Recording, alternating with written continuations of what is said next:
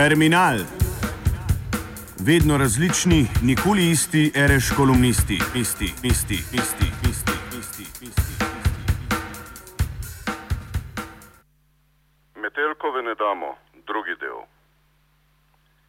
Neumorni londonski levičar Ken Loach v svojem zadnjem filmu Jimmyjev dom polje razrednega boja oziroma razredne vojne prestavi k kulturi v ožjem smislu besede.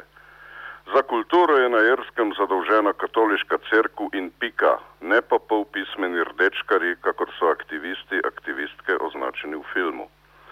Cerkev in država sta družno sposobni, kot dobro vidimo, vsako drugačno oziroma ne svoje kulturno poslopje in dejavnost tudi požgati, poteptati, uničiti, če je le treba, uporabnice in uporabnike te drugačne kulture pa nagnati nazaj v boga boječe domače čumnate in navadne krčme, ker delavnice, seminariji, bralni krožki in vsak terenski sproščeni ples seveda presegajo ambicije navadnega duhovnega bitja, ki naj bi bilo skromno, nevedno in boga boječe.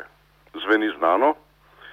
Film Jimmyjev dom je naravnost poučen glede na stanje stvari v domačih logih kaj pa tudi v alternativni kulturi, ki je ta čas pod hudimi pritiski. Priča smo popolni ignoranci in nerazumevanju, kaj naj bi alternativna kultura sploh bila. Zdi se, kot da je marsikomu popolnoma vseeno za dosežke, za doprinos skupnosti v zadnjih desetletjih, zdi se, kot da je na tisoče člankov in prispevkov tudi na pričujočem radiju, tudi od osebe, ki vam zdaj govori na vse zadnje, svrlelo nekam v luft.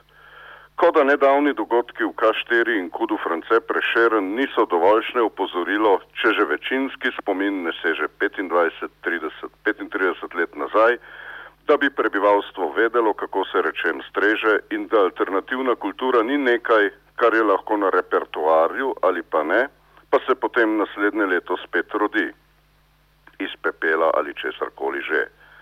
Nak.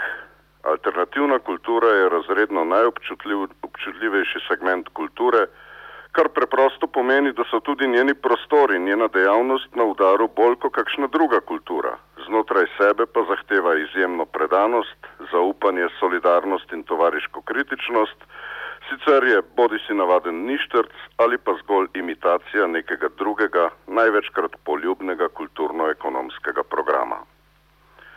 Kako je mogoče, da se AKC Metelkova mestu očita, da deluje na črno? Na to retorično vprašanje lahko odgovorimo na več načinov, zmerom pa pridemo do ene in iste izhodiščne točke. Saj Metelkova deluje nekonvencionalno, že 21 let pa je bilo, če potegnemo črto, do zdaj vedno vse v najlepšem redu. S tem se ni nihče okoristil, javnost je bila v glavnem zadovoljna. Zgodovina Metelkove je seveda turbulentna, sega vse od zasedbe oziroma zaščite prostorov, prizadevanja za javno degetoizacijo in boj za vzpostavitev osnovne infrastrukture, pozna nenehno obrambo pred temi ali onimi nestrpno usmerjenimi ali izkoriščevalskimi neformalnimi skupinami, do konstantnega pritiska države z inšpekcijskimi nadzori. Državnim organom se je v zadnjih letih Metelkovo posrečilo, uspešno degradirati iz alternativnega kulturnega in socialnega središča v skupek gostinskih obratov, kar še podkrepljujejo tako zagrenjene prijave gostincev iz soseščine, kot mestoma vzkogledo in zatohlo ozračje domače alternative. Z vzpostavitvijo fursa in šušmarskega diskurza je doseženo novo dno.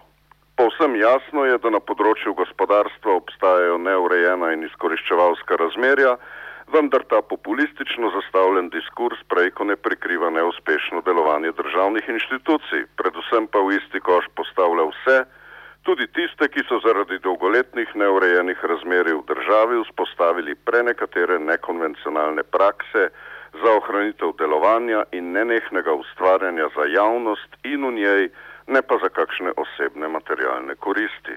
To preprosto vodilo, ki zdaj združuje aktivacijo AKC Metelkova, velja še naprej. Ne gre pozabiti, da je bila Metelkova tudi reakcija na pozive premijeja Petrleta, češ lov se začenja in eden prvih direktnih odgovorov na usiljeno spremembo državne sistematike. Ta sistematika se je z leti seveda zmaličila ravno zato, ker je bila uvedena zahrbtno in prostaško, kot pač vsak vulgarni kapitalizem. Danes se v družbi meša dvoje.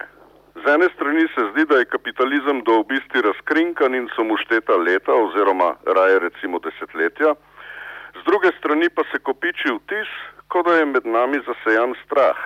Človek ima občutek, da živi med osebki, ki so prepričani, da je kapitalizem nekakšno naravno stanje človeške vrste. Strah pred oboroženim dilerjem, ki si prisvaja dvorišče kulture, in strah pred inšpekcijami, ki delo na črno preganjajo tam, kjer to, kot pravi množica materialnih dokazov, sploh ni nekaj bistvenega, je strah iz povsem istega vira. Metelkova je kajpak sposobna premagati oba strahova. Zakaj takega pa mora preseči od zunaj usiljene, neznosne delitve na prireditvene prostore in ateljeje, na dnevne in nočne udeleženke udeležence, na teoretske in praktične rešitve, globoko v sebi mora verjeti, da sama navzočnost šanka nikakor ne pomeni nagibak statusu gostinskega obrata, predvsem pa s programom in obiski čez dan odgnati nepovabljene, pa naj si gre za trivialni junk ali za nemogoče državne pritiske. Pred dnevi je eden od dolgoletnih in nepogrešljivih notranjih varnostnikov na Metelkovi zastavil svoje telo proti dilerju. To so sila nevarne reči, a skupnost jih lahko premaga, seveda z veliko in odločno soudeležbo simpatizerjev simpatizerk.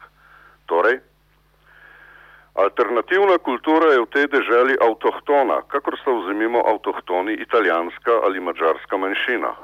Od novih sil v visoki politiki gre pričakovati, da se ustrezno zauzamejo za vse njene posebnosti in enkratnosti.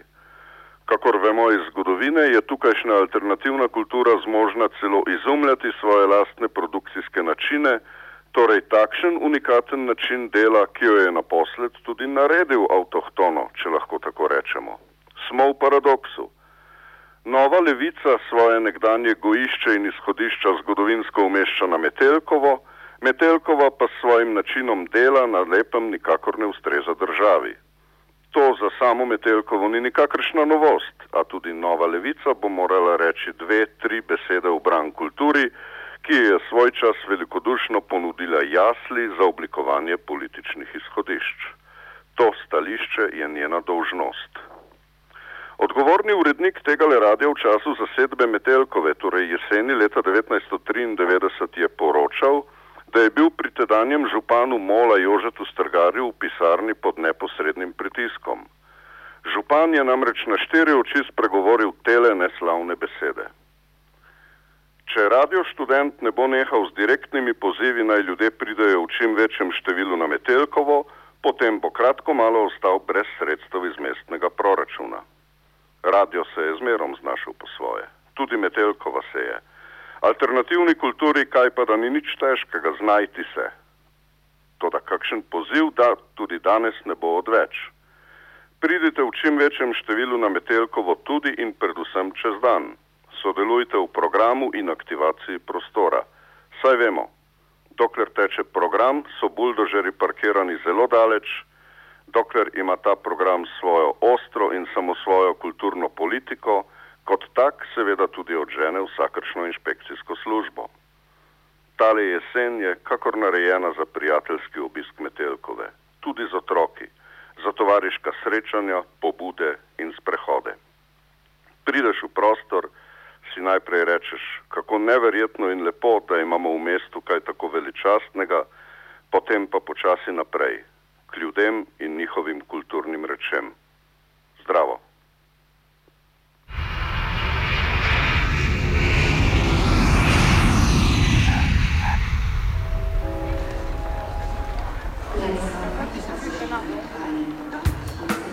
Terminal. Vedno različni, nikoli isti, reš kolumnisti, isti, isti, isti. isti.